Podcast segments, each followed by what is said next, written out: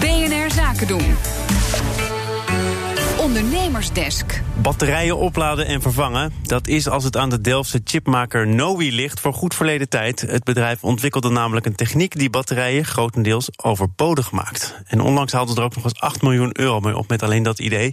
Voor de ondernemersdesk Energie ging Lotte Elbrink in gesprek met de CEO Simone, Simon van der Jacht. En ze komt daar nu verslag van brengen, denk ik. Want uh, begin maar eens met het uitleggen van wat er dan gebeurt. Nooit meer een batterij opladen of vervangen.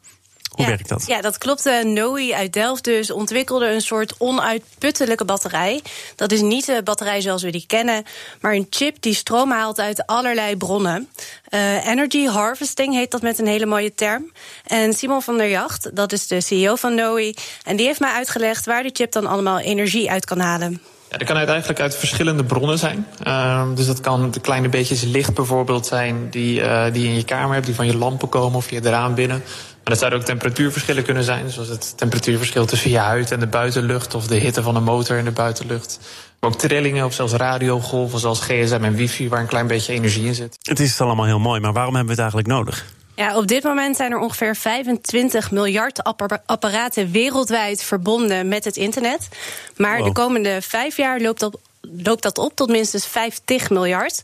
Uh, dan kun je denken aan je smartphone of je slimme televisie. Maar eigenlijk bestaat het grootste gedeelte bestaat uit sensoren. En die sensoren die hebben energie nodig. Nu gebeurt dat vaak nog uh, met batterijen. Maar de levensduur daarvan is echt nog een struikelblok. Stel je voor dat je iedere keer de batterijen van 50 miljard sensoren moet vervangen. Ja, dat is natuurlijk niet helemaal te doen. Het Internet of Things, dat zegt het als je het letterlijk vertaalt, het Internet der dingen. En dat betekent eigenlijk dus het dat verbinden van de fysieke wereld aan de digitale wereld. En om dat te doen heb je eigenlijk overal zintuigen nodig die vertellen hoe warm het is, of hoe koud het is, of of er iemand wel of niet is. Uh, dus het echt het digitaliseren van zintuigen in feite. En, en daar, daar is het op dit moment een heel groot probleem. Want dat betekent dat je het over echt miljoenen en miljoenen kleine sensoren hebt die je overal moet plaatsen, vaak op hele lastig te bereiken plekken. Um, dus heel veel van die applicaties komen op dit moment eigenlijk niet van de grond, uh, zolang je batterijen nodig hebt. Ja, en die chip van NOI die zorgt er dus voor dat er altijd energie is om, uh, om de boel draaiende te houden. Mocht je nou denken van, goh, wat handig, ik hoef mijn laptop of mijn smartphone nooit meer op te laden.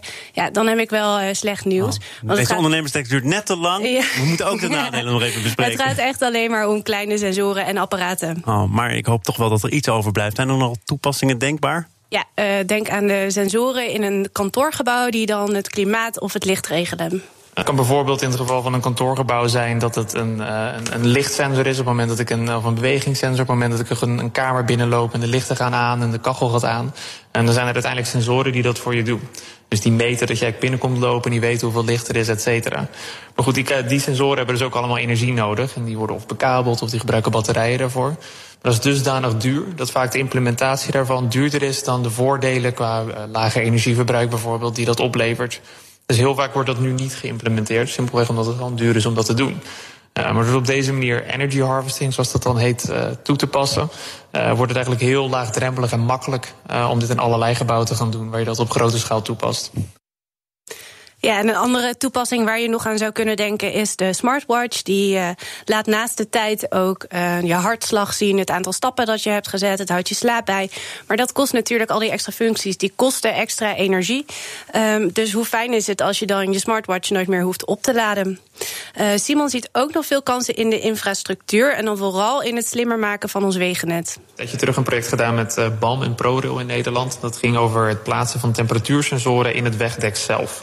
Um, en, en de reden dat het handig is, is dat als het koud wordt, weet je dan slim waar je wel en niet zout moet strooien. Nou, dat bespaart zout, dat bespaart geld en maakt de wegen veiliger.